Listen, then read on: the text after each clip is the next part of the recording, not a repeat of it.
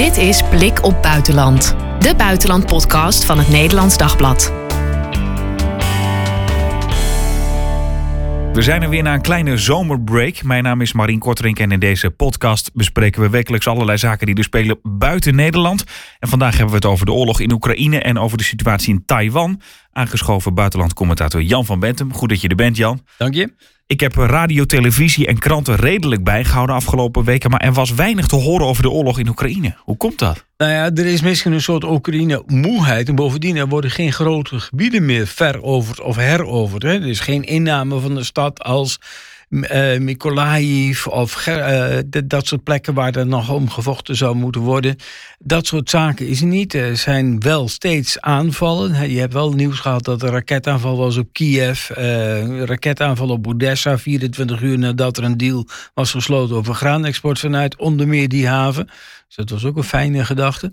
Um, maar het is niet zo dat de Russen dus grote steden veroveren of dat uh, de Oekraïners grote gebieden heroveren. Die hebben overigens wel vrij veel dorpjes in het zuiden van Oekraïne weer uh, in handen. Maar dat is langs de frontlinie en dat zijn over het algemeen kleinere dorpen. Ja, want maar betekent het dat we er weinig over horen, dat er ook weinig gebeurt? Ja, inderdaad, qua veroveringen dus wel, maar andere dingen? Nou, Kijk, je hebt twee lagen. Als je dus gaat kijken naar de militaire laag, dan is het net alsof die militaire barrage van Rusland, het permanent beschieten met raketten en ook zware artillerie van steden, dat gaat nog wel door, maar niet meer zoals een paar weken geleden.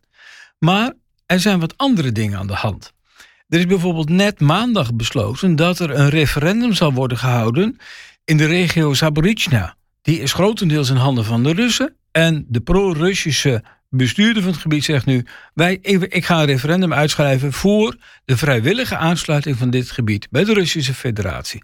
Er is al eerder besloten dat als zij dat gaan doen, tegelijkertijd het aangrenzende Gerson-regio, ook in handen van de Russen, dat ook zullen gaan doen. Dus dan krijg je dat die twee gebieden zich alvast bij Rusland voegen. Nou, dan staan Lugansk is zo ongeveer helemaal in handen van de Russen, zo niet helemaal. Eh, Donetsk al voor een belangrijk deel. Als dat dan ook helemaal rond is, dan wil men daar wellicht een referendum voor hetzelfde houden. Ja, want dat is wel opmerkelijk, want in Donetsk en zo eh, zeiden ze van we wachten nog even met het ja, referendum. Ja, omdat dat, die hebben ze uh, in februari de onafhankelijkheid uitgeroepen. Dus dat zijn zogeheten onafhankelijke republieken. Volksrepubliek Donetsk, Volksrepubliek Lugansk. En ja, dan moet je, wil je je aansluiten bij Rusland, moet je er een referendum over houden ook. En want je bent onafhankelijk. ja, want je bent onafhankelijk. Maar dan moet je echt eerst heel je territorium on, uh, in, in, in, in handen hebben. In deze twee regio's, zeggen de regiobestuurder van het pro-Russische, of het door Rusland gecontroleerde deel, die zeggen nu van ja, wij gaan alvast uh, deze, dit referendum houden. Wij horen bij Rusland, een van de gebieden in Gerson zeiden ze van dat Gerson is ingedeeld bij Oekraïne. Dat is gewoon een historische fout geweest. Ah ja, maar dit is ook een formaliteit lijkt het dan, hè? Want de, de, de Oekraïners zijn misschien al gevlucht. En veel mensen die uh, pro-Kiev zijn, zijn gevlucht. In het zuiden dan onder andere via Moldavië. Uh, maar uh, er zijn ook heel veel getransporteerd naar Rusland. Hè? Dus gebieden die Rusland in handen kreeg, daarvan zijn meldingen dat er busladingen en, en anderen aan inwoners naar Russische gebieden zijn getransporteerd, waar ze werden ondervraagd. Uh, waar ze in uh, soort uh, centra dan werden opgevangen. Vervolgens werden verdeeld, soms honderden kilometers ver Rusland in. Een aantal daarvan zijn op allerlei manieren weer richting de Baltische Staten gekomen. En uiteindelijk daar de grens over gegaan. Dus die vertelden over dat soort situaties. Over wat voor aantallen weten we niet exact. Maar dat referendum dat zou worden gehouden in, eh, door de resterende inwoners, die uitslag staat denk ik wel redelijk vast. Ook al zou die anders zijn, staat die vast. Ja. Um, minder militaire actie dus, terwijl we wel dat nieuws over die kerncentrale ook hebben gehad, hè, dit ja, afgelopen weekend. Ook in Zaporizhzhia. Dat is een van de grootste, of zo niet de grootste nucleaire centrale in Europa. Mm die zou zijn beschoten door de Russen, zegt Oekraïne. Nee, het is beschoten door Oekraïne, zeggen de Russen. Nou, in ieder geval, het internationaal atoomagentschap zegt... dit is razend gevaarlijk wat je aan het doen bent. Die situatie is buiten controle geraakt. Waarnemingsapparatuur werkt niet meer. De, uh, waarnemers van het internationaal atoomagentschap... mogen niet ter plaatse, zijn. Er werken nog Oekraïense medewerkers onder Russische supervisie... Het verhaal is dat vlak voor de aanval Russische medewerkers weggingen en de Oekraïners achterbleven. dat toen die aanval kwam, die heeft de centrale zelf niet beschadigd, maar was kennelijk gericht op opslagplaats van afgewerkt nucleaire brandstof. Maar ook uh, waterleiding is geraakt en hoogspanningskabels. Dus het voorzorgen is een van de reactoren stilgelegd. Om ervoor te zorgen dat die niet buiten controle zou kunnen komen. Dat je in ieder geval stroom hebt om het ding uh, te kunnen blijven koelen en dat soort zaken. Ja. En dat geeft er wel aan hoe gevaarlijk het kan zijn. Uh, uh, de secretaris-generaal van de VN, die bij de herdenking was in Japan van de bombardementen van Hiroshima en Nagasaki, die zei ja. van jullie zijn bezig met een suïcidale beschieting van die centrale. En hij liet even in het midden wie er dan gedaan had. Maar de Europese Unie, de hoge vertegenwoordiger daarvan, Giuseppe Borrell, die zei al op Twitter van. Rusland moet ophouden met die volstrekt onverantwoorde militaire acties bij die kerncentrale. Ja, die kerncentrale, in wiens gebied ligt die dan op dit moment eigenlijk? Of uh, die, tussenin? Die ligt uh, vlak bij de grens. Maar in ieder geval, uh, er wordt in dat gebied nog gevochten. De Russen hebben er volgens meerdere waarnemers en ook volgens Oekraïne uh, militair materiaal opgeslagen bij die centrale en beschieten vanaf dat gebied de stad Nikopol die in Oekraïnse handen is. Nou, de Oekraïne schieten niet terug. Zo zei ik de minister van Defensie van Oekraïne net een paar weken geleden. Van ja, zij weten wel, wij durven niet terug te schieten. Want stel dat we die centrale raken, dan hebben we echt hier een grote catastrofe. Dus zij Al Jazeera bijvoorbeeld had een verslaggever te plaatsen. Die zegt ook van ja, die Oekraïense medewerkers moesten soms letterlijk met pistool tegen het hoofd er blijven.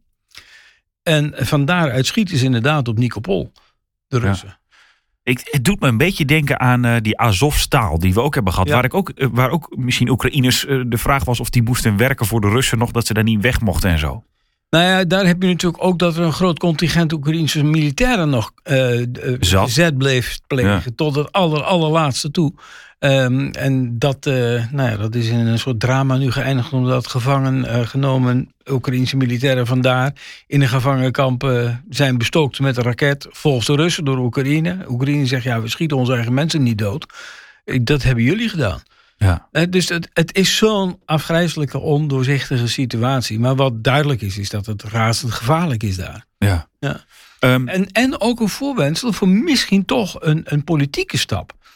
De voorzitter van de grondwetscommissie van de Russische Senaat, de Federatieraad heet dat. Dat is een hele mond vol, wat houdt ja, het in? absoluut. Nou, jij, in Nederland heb je de Tweede Kamer en de Senaat. Ja. Dat heb je daar ook. Je hebt de Duma, de, de parlementskamer, mm -hmm. en je hebt daar ook de Senaat, wat dan de Russische Federatieraad heet. Oh ja. Die heeft commissies. Deze commissie gaat over grondwet en dat soort zaken. En die zegt van, uh, eigenlijk moeten we die junta in Kiev, dus de Oekraïnse regering, uh, bestempelen als een terroristische bende, want zij beschieten deze kerncentrale.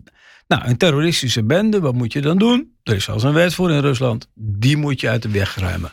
Oh ja, dus, dus dat is nu weer de theorie. Ja, dus omdat zij die kerncentrale zouden hebben beschoten, de Oekraïners, is een terroristische bende. En die terroristische bende die moet worden uitgeschakeld. En zo blijft het nieuws zich in die zin wel ontwikkelen. Ja. Hebben we, de, we zijn veel in het oosten geweest van Oekraïne, waar, waar, waar de Russen zich op zouden focussen. Je hoort ook wel eens het zuiden, Odessa en zo bijvoorbeeld, Ja. dat ze die havenstad graag zouden willen. Hoe Ja, is het dat daarmee? is dus even wat stiller vanwege die graanexporten die daar nu vandaan plaatsvinden. Zondag zijn er nog weer vier schepen vanuit vertrokken. En eh, er zou nu een vijfde schip weggaan. Daarvoor was er al een schip vertrokken uit een andere haven. Ehm, dat, dat, die, die graanakkoorden, daar heeft Rusland, eh, de minister van Buitenlandse Zaken Lavrov, tijdens zijn recente rondreis door Afrika een mooie sier meegemaakt. Het akkoord werd getekend door Moskou op vrijdag. Op zondag landde Lavrov in Cairo. En daar begon hij dus uh, uiteen te zetten hoe Rusland hen in Afrika geholpen had door dit akkoord te sluiten. En zich zeer verantwoordelijk had getoond en zo. Ja. En wat, Maar dat maar, maar akkoord waarom willen lag ze al twee maanden klaar. Ja, maar waarom willen ze dan Odessa nu even niet aan? Omdat ze dus Ja, dat kan, ja dan, dan verstoor jij die graanexporten en dan verstoor je dus je eigen mooie propagandaverhaal mee. Dat ga je zo van wij hebben zijn wel begaan met de burgers hier en, eh, ja. en, dat, en dat soort En, dingen. en ja, wij helpen eh, Egypte, wij helpen Libanon, wij helpen Kenia, wij helpen elk land zeg maar, wat afhankelijk is van Oekraïens en Russisch graan. Hè? Want Ja, ja, het precies. akkoord houdt ook eh, de open export van Russisch graan en kunstmest in. Ja. Want, want, want op termijn denk je dat ze nog wel een keer die stad proberen ja, aan te maar vallen. dan echt op termijn. Eh, als iedereen het akkoord weer een beetje vergeten is, zou dat kunnen. Ik, ik bedoel, 24 uur nadat het akkoord werd gesloten, werd eh, de haven van Odessa bestokt met Russische kruisraketten. Dus Ja. zo vreedzaam waren die gedachten ook niet helemaal. We blijven eh, dat nieuws volgen. Dan gaan we naar Taiwan. China begon daar donderdag met militaire oefeningen rond het eiland. Voordat we verder praten, eh, gebeurt dat eigenlijk vaker zo'n militaire oefening? Op de havenklap houdt China die. ja. Er is, Maar eh, waarom is het dan nu zo in dit nieuws? Omdat het nu zes oefeningen tegelijk zijn. Of althans oefeningen op, in zes regio's. En alle zes regio's, ik heb de kaart bekeken, vallen binnen wat Taiwan zegt, de Defense Identification Zone. Dat is dus een, een, een eh, zone rond het eiland waarin je je moet aanmelden als je met vliegtuigen of schepen binnenvaart. Dat valt onder zeg maar, het militaire ehm, Gezag. gezag of, of, of eh, identificatiegebied van Taiwan.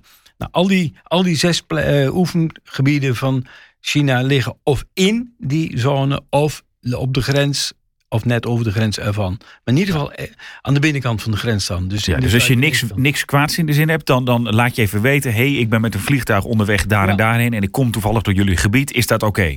Ja, nou, nou, China heeft dat ook gezegd. Alleen dat, is dat oké? Hebben ze achterwege Ja. gelaten.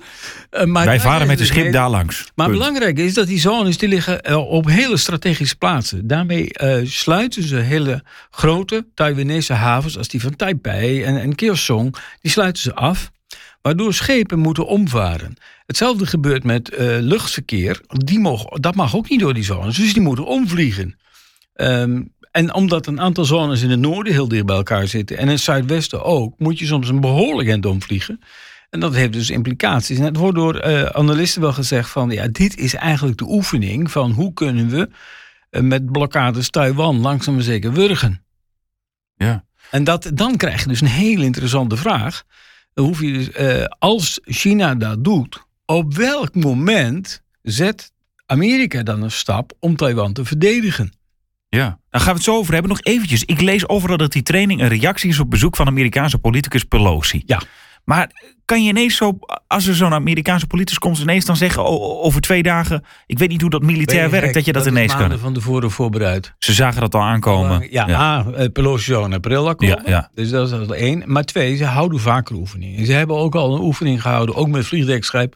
Een, vlie- een vliegdekschip eh, ten, eh, ten oosten van Taiwan. Dus in de Pacific en de Stille Oceaan aan de andere kant.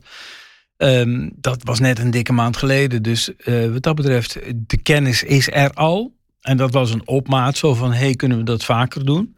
Maar nu zoveel tegelijk en dan dagenlang achter elkaar, dat is vrij complex. Dus dit is al de hele tijd van tevoren voorbereid. Ja. En die training zou volgens mij eh, of maandag afgelopen zijn. Nee, zondag. Of zondag afgelopen, maar hij is- hij gaat toch door. 12 uur laatste tijd. Ja, ze hebben maandag bekendgemaakt dat die voorlopig doorgaat. Eh, Er zijn zelfs eh, stemmen in China die zeggen van laten we er maar permanente acties van maken. Zodat we permanent in die gebieden blijven oefenen. We hebben, we hebben vliegtuigen en schepen zat. Eh, dus doe maar. En zoals zondag bijvoorbeeld meldde Taiwan iets van 66 vliegtuigen die de, dus de, de, midden, de middellijn eh, in het zeegebied tussen China en Taiwan over, eh, overvlogen. Dus Ja. ook in dat identificatiegebied. En 14 schepen die dat deden op één dag. Nou, Taiwan is niet zo gek groot, eh, 23 miljoen inwoners, dus die hebben ook niet zo'n idioot grote luchtmacht. Als je iedere keer moet opstijgen om die toestellen te onderscheppen, dat, ja, dat put je uit- uiteindelijk gewoon uit. Ja. Dus dat doen ze ook niet? Nee, nee, ze zetten hun raketten op eh, alert, zeg maar. Ze hebben ook Patriot luchtafweerraketten en dat soort dingen. Die zijn wel als het ware al aangezette systemen om dan met hun radar, hun doelvolgradar, die vliegtuigen te volgen. Ja. Dat kunnen die vliegtuigen ook zien, dat ze gepingd worden. Hè? Dat ze als het ware door radar worden gevolgd. Dat is de bedoeling ook, in dit geval. Ja, want ik wou net zeggen, als Taiwan daadwerkelijk gaat schieten, dat- dat is voor hunzelf Gaan misschien ze ook niet slim. niet doen, Nee. omdat dan China massaal gaat reageren. Dus dat ja. weten ze ook. Ja. Want en Taiwan, eh, nou, Amerika weten we dan, hè, die, die supporten Taiwan. Eh, En blijft dat altijd zo? Biden heeft dus gezegd dat eh, Amerika Taiwan ook militair zal helpen. Dat is eh, verdere uitspraak dan alle voorgaande presidenten hebben gedaan. En er is dus ook nog wel een soort commentaar van het Witte Huis opgekomen. Zeg maar van ja, maar dat betekent niet dat en zo. Maar hij heeft het herhaald. Dus eh, echt gezegd van ja, joh, als China Taiwan echt aanvalt. Dan zal Amerika Taiwan de hulp komen. Japan heeft hetzelfde gezegd. Er is nog een hele zware nucleaire dreiging van China tegen Japan daarover geuit. Zo van ja, maar dan weet je dat je met totale nucleaire vernietiging eh, te maken gaat kunnen krijgen. En daar hebben ze uh, in Japan op een vreselijke manier ervaring mee. Daar werd ook nadrukkelijk naar verwezen. Uh, dus wat dat betreft heeft China al eerder hele harde taal gebruikt. Maar nu dus ook echt actie om te laten zien van wij hebben de potentie om Taiwan te blokkeren. Voor, ook tegen buitenlandse machten, zoals dat dan altijd heet, die van buitenaf Taiwan de hulp zouden willen komen. Ja. Wat, wat doet die, eh, de, de woorden van Biden, wat doen die in China eigenlijk? Nou, daar werd ook wel fors op gereageerd. Toen had de minister van uh, Buitenlandse... Nee, de minister van Defensie uh, tijdens een bijeenkomst in Singapore al gezegd van... Dit kon wel eens eindigen in een gevecht.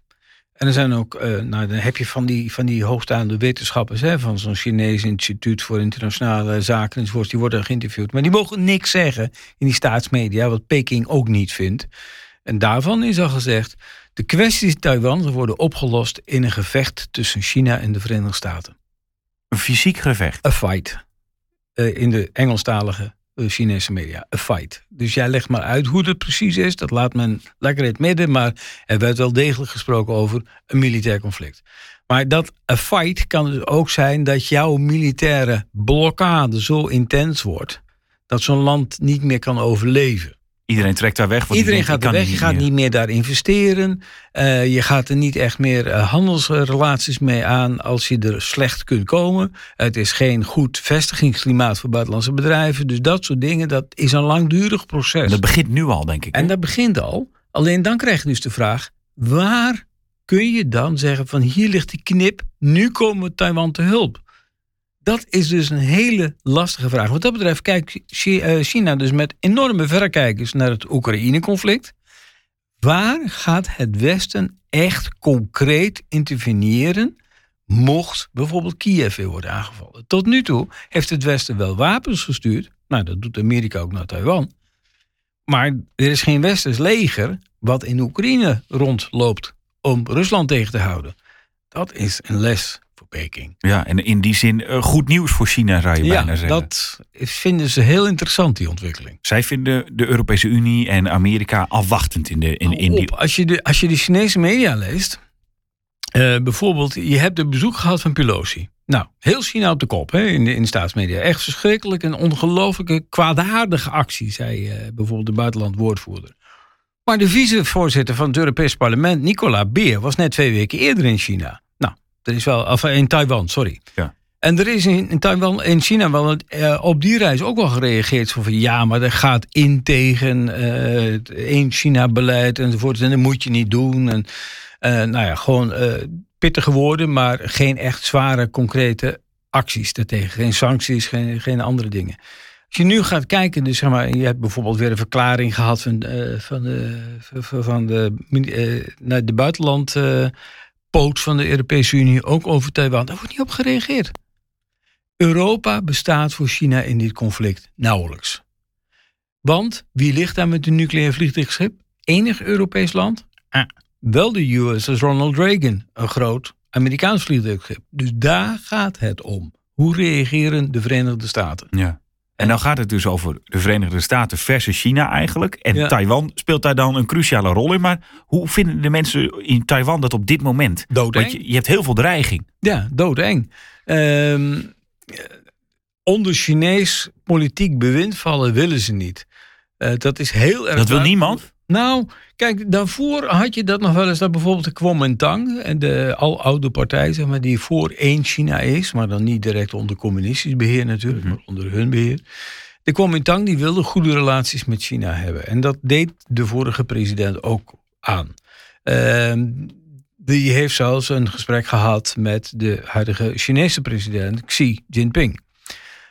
Maar die ontmoetingen van die president Ma met Xi, Xi, Jinping zul dus met de huidige president Tsai, die vrouw, nooit meemaken. Want die is fel tegen het zeggenschap van Peking over Taiwan. Nou, dat heeft een conflict ook scherper gemaakt. Um, maar ja, hoe die relatie op den duur moet worden. China is heel duidelijk. Taiwan hoort bij China, is van China, zal worden herenigd met China. Hoe dan ook. Desnoods met geweld. Letterlijk woorden van de Chinese president Xi. Ja, want je zou toch ook ergens nog kunnen zeggen van als het zo gevoelig is, waarom niet op de weg die we eigenlijk zoveel jaren bewandeld hebben met Taiwan doorgaan? Dat ze zelf veel te zeggen hebben. Omdat er belangrijke momenten aankomen voor, uh, voor China. Bijvoorbeeld, uh, je hebt in 1948 die Volksrepubliek gekregen. Nou, dat uh, 2048, 2049, dan moet China weer één zijn. Dus dat moet je voor die tijd. Het 100-jarig jubileum. Het 100-jarig jubileum. Je hebt net de 95ste verjaardag gehad van het Chinese bevrijdingsleger, zoals dat, het, het leger daar dan heet. Dus over vijf jaar is dat 100 jaar. Dan wil je iets markants kunnen neerzetten. De Chinese president is officieel aan het eind van dit jaar, aan het eind van zijn tweede ambtstermijn, dan zou die moeten aftreden. Nou, er is allerlei wetgeving in de maak en uh, die is eigenlijk al rond, maar er moeten nog wat andere zaken worden geregeld, dat hij wel aan de macht kan blijven en kan doorgaan en wellicht tot zijn dood kan doorgaan. Daar moet je ook wat mee, uh, met, met, iets binnenkomen. Economisch gaat het niet zo uh, daverend. Zelfs behoorlijk hoge jeugdwerkloosheid in China. Dus je moet het Chinese volk iets te vertellen hebben. En dat één China-verhaal, hereniging met Taiwan, dat is wel iets wat de meeste Chinezen steunen. Want, want als het gaat om die economie, dat, dat gaat ze ook pijn doen natuurlijk. Hè? Als je problemen krijgt met uh, Amerika, denk ik. Dat gaat ze pijn doen. Aan beide kanten doet het pijn dan. Maar, maar sowieso intern zijn er hoge schuldenposten uh, in de Chinese economie. Uh, een van de Chinese, grote Chinese banken moest afgelopen week al worden geholpen, anders was die ten onder gegaan. Dus daar, het loopt allemaal niet zo geweldig. Een van de grootste vastgoedbedrijven, uh, Evergrande, is al, al bijna ten onder, of is al ten onder gegaan. En, uh, maar die, die hebben dus vooral heel veel grote vastgoedpoten. Uh, nou, daar loopt het ook niet zo in. Er zijn spooksteden gebouwd waar nauwelijks mensen naartoe zijn getrokken. Dus, en die zijn wel betaald. En dat zijn uitstaande schulden waar geen inkomsten voor terugkomen. Nou, provinciale overheden hebben daarmee te maken. Een situatie is zo scherp qua jeugdwerkloosheid dat de Chinese centrale overheid speciale gezanten naar de provincies heeft gestuurd om hen te dwingen maatregelen te nemen tegen die werkloosheid. Omdat dat ontrichtend werkt op het mooie succesverhaal.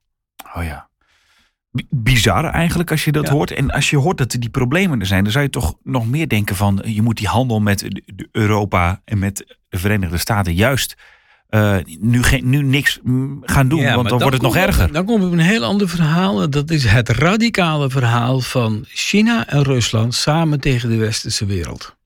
Dat grote concept, waar ze al jaren aan werken, dat overheerst zeg maar, het tijdelijker belang van betere economie.